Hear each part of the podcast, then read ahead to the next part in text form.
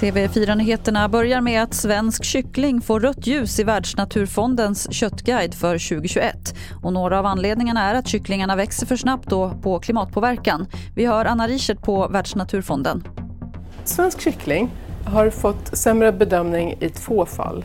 Och det är att den inte klarar det nya, inte klarar det nya klimatkriteriet och att vi har lagt till kriteriet för mer långsamväxande raser och de använder man inte i Sverige idag utan man använder snabbväxande raser som kan få problem med ben och smärta helt enkelt. Idag är det dags för Socialdemokraternas Magdalena Andersson att berätta för talmannen hur det går för henne att bilda regering. I nuläget är det mycket som tyder på att S och V inte är överens. Magdalena Andersson kan då antingen be talmannen om mer tid eller ge upp. Forskningen om post-covid får ett tillskott på 50 miljoner kronor. Det är Vetenskapsrådet som delar ut pengarna till olika projekt som ska utveckla både kunskap och behandlingar.